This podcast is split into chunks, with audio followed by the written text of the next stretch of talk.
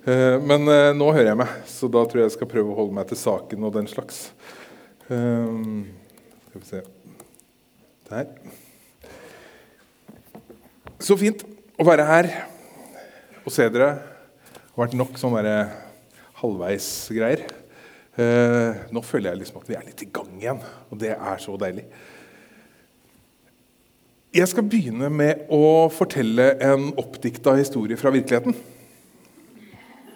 Eller sånn 'based on a true story'. Based on a true story. Eh, og til å begynne med så hørte vi sang om en konge. Kronham sang de. Og denne historien her handler om nettopp den kongen. For det var en gang en konge som bodde og regjerte i et stort og lykkelig kongerike.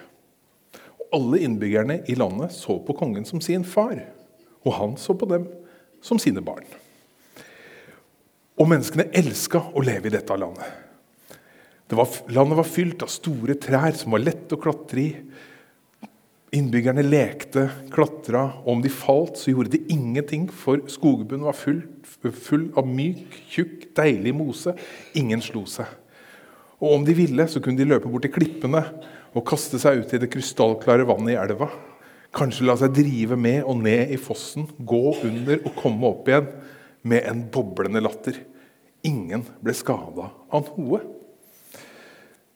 Og sånn kunne det kanskje ha fortsatt. Og det må jeg si også hver kveld. Hver kveld så samla innbyggerne seg rundt et stort leirbål. Snakka sammen, delte historier, tok fram gitarene, sang sammen, dansa, helt til de sovna under den milde nattehimmelen. Og sånn kunne det ha fortsatt hvis ikke det hadde vært for at kongen hadde en adjutant som var så enormt sjalu og ergerlig på at denne kongen satt på tronen, og ikke han. Og Han jobba stadig med planer om å få styrta denne kongen. Og leita etter et svakt punkt hos kongen, og så fant han det. Barna. Kongen elska barna sine så høyt det måtte denne adjutanten kunne bruke. Så han tok en av de eldre gutta til sida og lurte på du, har du lyst til å bli den sterkeste og tøffeste gutten i kongeriket. Ja, gutten skjønte ikke helt spørsmålet, men eh, det hørtes jo fristende ut. Da må du gjøre akkurat som jeg sier, sier adjutanten. Og Noen dager etter så tok han en av jentene til side. Du, har du lyst til å bli den peneste og mest selvstendige jenta som alle i kongeriket ser opp til? Ja, litt uh, eh, forvirra over spørsmålet, men, men det virka fristende. Og på den måten så snakka adjutanten med barn etter barn etter barn. Og til slutt så hadde han fanga alle sammen i garnet sitt. Og en dag da kongen satt på tronen, så så han barna komme og reiste seg for å ta imot dem. Så ble han var at det var noe i øynene deres. Noe i blikket som han ikke hadde sett før. Det brant liksom av en sånn blanding av frykt og hat, og de kom der med stokker i hendene. Og Kongen skjønte ikke helt, helt til han så adjutanten bak i flokken og forsto hva som hadde skjedd. Så kongen reiser seg og sier, 'Barn, dere trenger ikke å gjøre noe. Jeg går frivillig.' Kongen kunne ha slått ned opprøret der og da, kunne ha tilkalt vaktene, men han hadde så respekt for barna sine og så stor kjærlighet til barna at han ville ikke ha dette blodbadet. Så han dro til et land langt borte. Og der bodde han mens øh, adjutanten satte seg på tronen og ga små kongeriker til flere av disse innbyggerne. Og etter hvert så opplevde de at det som før hadde vært fint, ble nå vanskelig. Trærne var vanskelig å klatre i. Og falt de ned, så oppdaga de at mosen var blitt skarp og hard. Og vannet i elva var brunt, og det var ikke like lett å komme opp igjen av vannet hvis de lot seg drive med fossen, og noen døde. Og den gamle kongen sitter og hører bud fra landet han dro fra, og blir veldig trist. Hva gjør jeg med dette? Jeg må hjelpe. Men hvis jeg kommer tilbake som konge, så vil de bare jage meg igjen.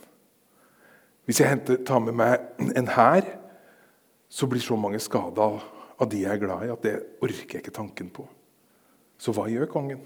Jo, han lar hår og skjegg gro.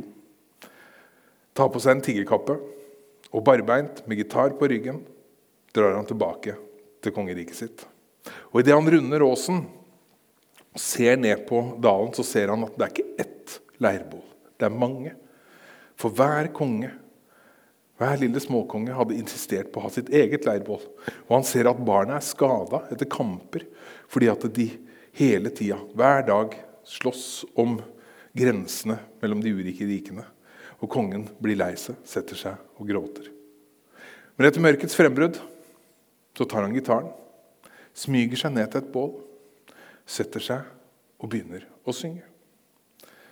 Og han synger sanger om et rike hvor mosen var tykk og myk, hvor det var lett å klatre i trærne, hvor det var gøy å bade i elva, og hvor alle satt rundt ett leirbål og sang de samme sangene hver kveld.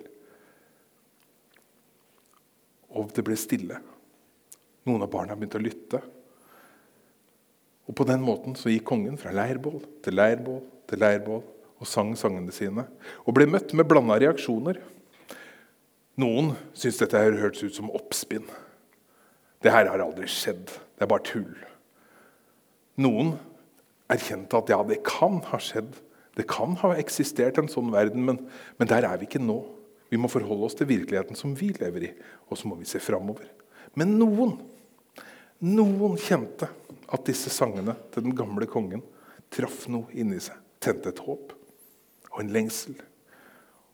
Og de satte seg ned sammen med kongen. Og de lærte seg sangene hans. Og de begynte å følge ham.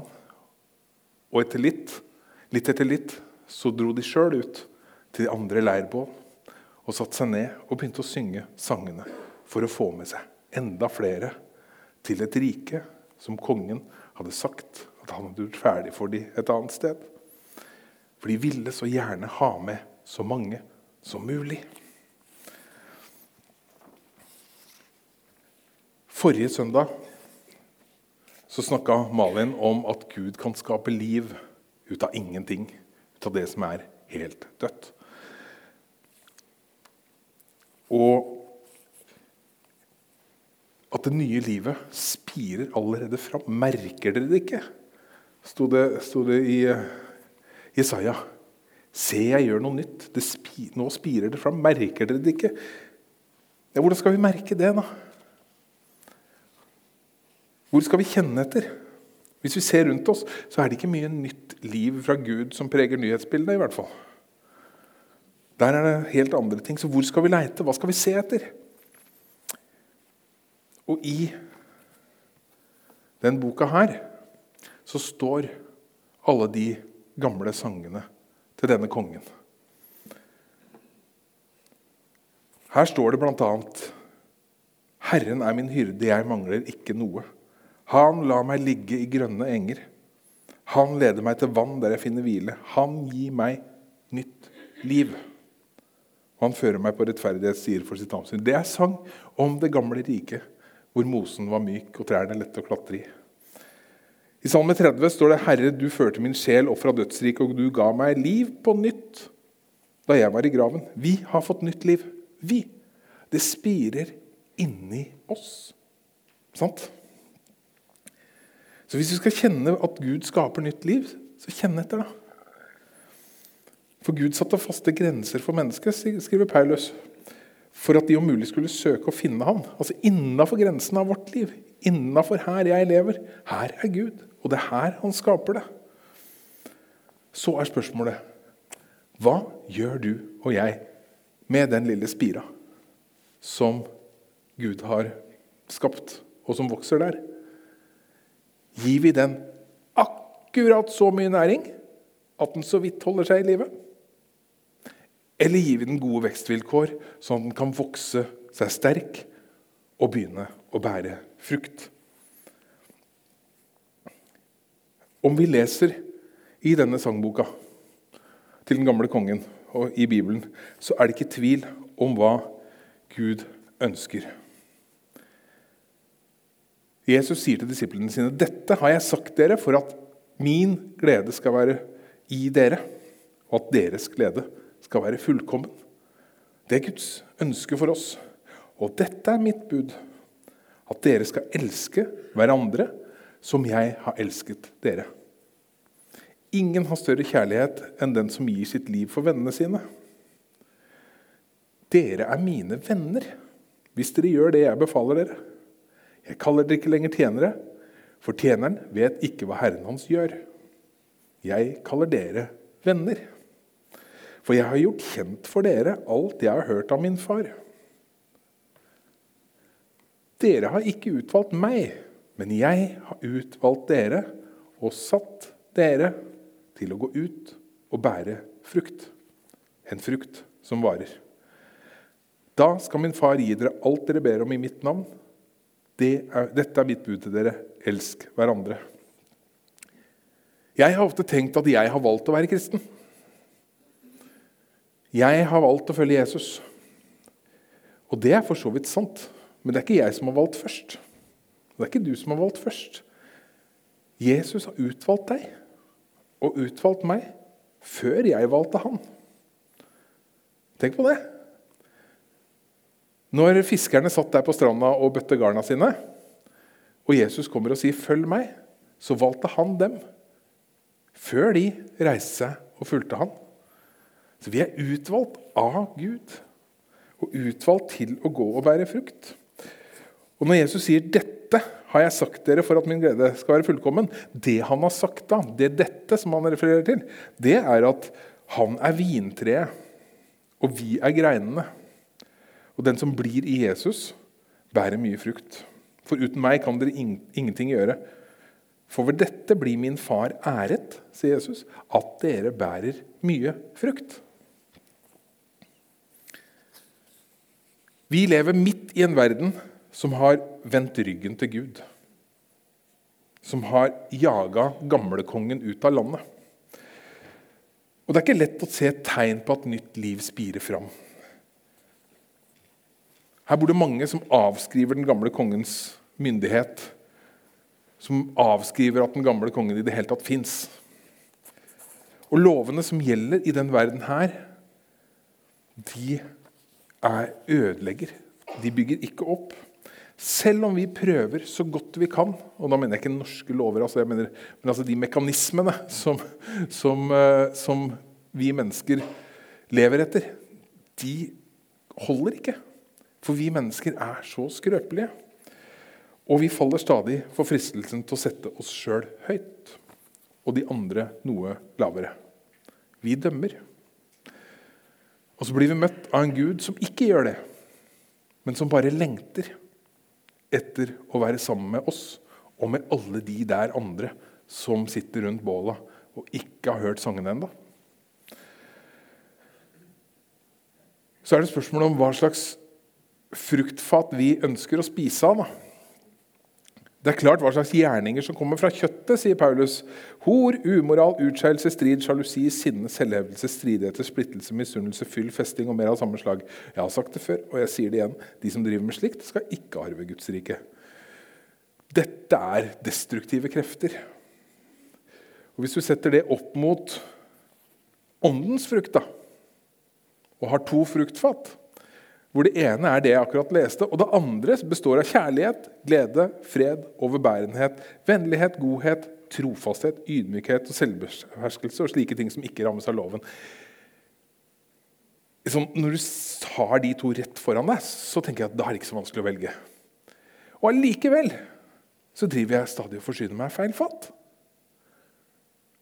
Det er så vanskelig å bryte gamle mønster. Fordi at det hjelper ikke om jeg prøver aldri så mye. Det handler nemlig om noe helt annet. Det handler om at Gud skaper nytt liv i meg. Det er Gud som får den nye frukten til å vokse og fortrenge den gamle. Han skal vokse, jeg skal avstå, sa Johannes døperen. Det er et veldig godt motto, syns jeg. Så Gud skaper en spire i oss. Så kan vi gi den gode vekstvilkår. Vi kan la den blomstre, og bære frukt. Vi kan la glede og fred og overbærenhet og vennlighet og godhet. Og dette her blomstre i livet vårt. Men hva gjør vi så med det? Hva gjør vi med den frukten som da har blitt skapt i livet vårt? Det kan være fristende, kjenner jeg, å kose seg litt med den sjøl. Så rett og slett bare tenke at nå har jeg blitt et litt bedre menneske, og det er ganske deilig. Og så syns vennene mine det er fint. Også. Og så er det sånn at det, eh, hvis den frukten bare blir liggende på fatet, så kommer det til å råtne der. For frukt har nemlig frø i seg. Det er det som definerer frukt. Det er derfor frukt fins. Fordi den har frø i seg. Og den skal stadig gi liv til nye spirer som skal vokse og bære enda mer frukt, som varer. Når Jesus kaller oss venner og ikke tjenere, så er det faktisk fordi at han har fortalt oss hva Gud planlegger å gjøre, og hva Gud ønsker å gjøre. Så Vi er innvidd i de tankene og hemmelighetene Gud har. og Det er ganske stort. For Vi snakker om på en måte skaperen av universet her. Eh, så, så, han har på en måte invitert oss inn i sine planer. Og han sier, når han sier at dere har ikke utvalgt meg, men jeg har utvalgt dere og satt dere til å gå ut og bære frukt som varer, så, så er det på en måte en del av, en del av planen. Og så kjenner jeg at jeg syns det er litt skummelt å gå ut og bære frukt. Jeg kjenner at det, det, er jo mange ting som kan skje når jeg går ut der og viser fram eller lever den frukten Gud har skapt i livet mitt. Jeg er så usikker på hva folk vil si, og hvordan folk vil reagere. Og jeg tror ikke jeg er den eneste som kjenner litt på det. Jeg tenker at Folk får finne ut av det sjøl. Jeg kan gi dem noen hint, men på en måte ta, det, ta, ta hele samtalen og, og sånn. Jeg tenker at det, det, blir litt sånn om jeg går ut og så, og så setter jeg meg et bål så klimper jeg bitte litt på gitaren, men jeg tør ikke å synge. Her om dagen så gjorde jeg en tjeneste for en fyr jeg ikke kjenner. Han kom og spurte meg om en tjeneste, helt ut av det blå. Og jeg opplevde det som en sånn ja, typ ferdiglagt gjerning, en sånn gjerning som Gud legger i, i veien for oss av og til. Uh, og det var veldig fint. Jeg kjente at det var litt stas, og jeg hadde en sånn indre samtale med Gud når dette her skjedde. Og så ble jeg sittende sammen med den fyren, da, mens vi gjør dette her, og, så, og han blir jo helt overraska over at en vilt fremmed fyr faktisk bryr seg nok til å gjøre han en tjeneste. Uh, så han spør hva er det som får deg til å gjøre dette her. da? Og det er jo en fantastisk lissepasning. Det er jo liksom bare sånn, Her kunne jo jeg fortalt at jeg er jo egentlig ikke en fyr som driver med sånt. Jeg er jo en fyr som egentlig tenker at det er lettest å gå utenom. Så jeg kunne jo ha sagt at det, det er faktisk Jesus som har skapt noe i meg som gjør at jeg har, det har vokst noe i meg som gjør at jeg gjør dette her. Jeg kunne, ha sagt, jeg kunne ha fortalt han om troa mi og om Jesus, men det gjorde jeg ikke. For jeg tenkte liksom at jeg vet jo ikke hva han eh, hva han kommer til å si da? Han kommer kanskje til å synes jeg er litt rar. Uh, og, så blir han kanskje irritert fordi at de driver og misjonerer. og sånn, fordi at folk blir irritert av det. Han spurte jo, jeg kunne jo ha svart, men jeg torde ikke. Uh, og, så, og, så, tenkte jeg kanskje at den gode gjerningen, da, den fine gjerningen den taler jo for seg sjøl. Men det blir vel kanskje litt som å tenke at uh, han skjønner teksten, bare jeg spiller litt på gitar. Og jeg er ikke engang noe god til å spille gitar. Så det er liksom Jeg tør ikke. Det, liksom, det, stopper opp. Og det tror jeg liksom er ikke den eneste som sliter med det. Og Det kan være mange grunner til det. Det kan være redsel for at jeg ikke vet nok. Altså Hvis han begynner å stille spørsmål og være kritisk, så må jeg jo svare for meg. Jeg må jo vite hva jeg tror på. Kanskje jeg ikke vet nok. Eller, ellers kan det være at jeg kjenner at jeg er jo ikke veldig god. Jeg har jo ikke midt på det tørre. Hvis han konfronterer meg med om jeg lever sånn, eller sånn, så, så er ikke jeg noe verdig vitne for Jesus. Kan jo være. Eller det kan være at jeg tenker at det er jo ikke relevant for han. Han uh, har jo på en måte et helt annet liv. Og, eller bare rett og slett bli sett rart på. Det kan altså være så ufattelig mange grunner til at frimodigheten snubler på dørstokken. Og felles for alle de grunnene er at de skygger for Guds intense ønske om at alle mennesker skal finne veien tilbake til ham. De står i veien for det. Han som vil at alle mennesker skal bli frelst og lære sannheten å kjenne. For Gud betyr hvert eneste menneske alt.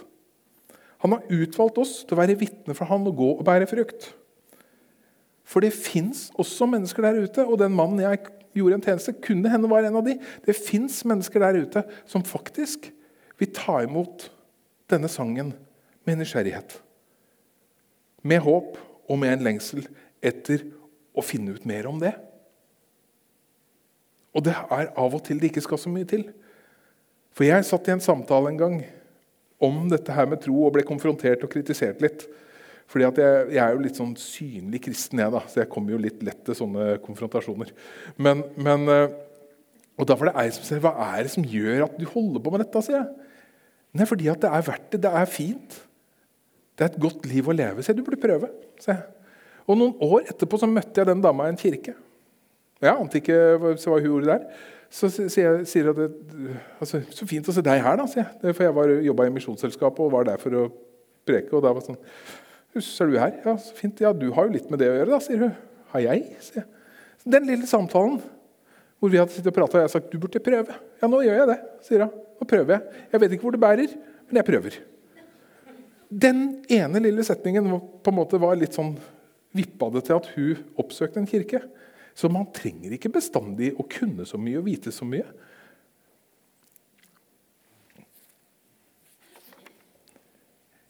Det fins mennesker der ute som det skal så lite til for at det spira vokser litt til. Men vi vet ikke hvem de er.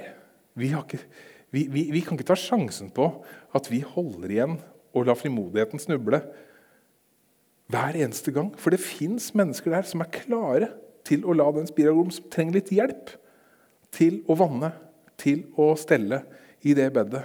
Til å bli invitert inn i vår forsamling, til å bli del av et fellesskap hvor det kan vokse. Kast ikke vekk frimodigheten, for den gir stor lønn. Faktum er at hvis vi aldri tar det siste steget, hvis vi aldri våger det å invitere mennesker, hvis vi aldri våger å synge teksten, ja, så kan det hende at det tar lengre tid for noen. Kanskje skjer det aldri. Vi kan ikke ta den sjansen. Vi må på en måte våge. Og så er det jo sånn da at vi skal ikke fikse dette her sjøl. For noe av det siste Jesus sa når han eh, dro til himmelen, før han dro til himmelen, til de fiskerne som han hadde fått med seg på stranda, og som han hadde brukt tre år på å dyrke og gro, eh, så sier han 'Jeg er med dere alle dager inn til verdens ende'. Og dere skal få kraft idet Den hellige ånd kommer over dere. Vi står ikke aleine i dette her. Jesus er midt oppi det. Vi må bare slippe han til. Gjennom oss. For det er gjennom oss han gjør det. Ofte. Og Så kan det godt hende han går foran oss også. Det er ikke så sjelden, det heller. For han kan hende forbereder disse menneskene på dette møtet vi kanskje skal ha. Det kan godt hende at han karen jeg gjorde en tjeneste, var godt forberedt, og så bakka jeg ut. Tungvint for Gud å jobbe med sånne folk. Ehm, sånn at det, det er noe med å våge å ta steget, synge teksten. Etter at Jesus hadde reist til himmelen, så sendte han disiplene sine ut. Så var han med dem med Den hellige ånd. De fikk kraft og planta dette frøet og dyrka denne spira i en generasjon, som igjen har tatt det videre og tatt det videre. Og her sitter vi. Nå er det vår tur i historien. Jesus har utvalgt oss nå til å gå ut og bære mye frukt. Fordi kongen lengter så etter barna sine at han vil at vi skal ta gitaren og dra ut de leirbåla han leder oss til. Så vi må bare være lydige, høre etter hva han sier, og følge han til leirbål etter leirbål og våge å synge sangen med tekst. Så vi vil oppdage at vi vil møte motstand. Vi vil oppdage akkurat det samme som barna i historien. At noen syns det er helt dust, noen syns det er irrelevant, og noen syns det er bra.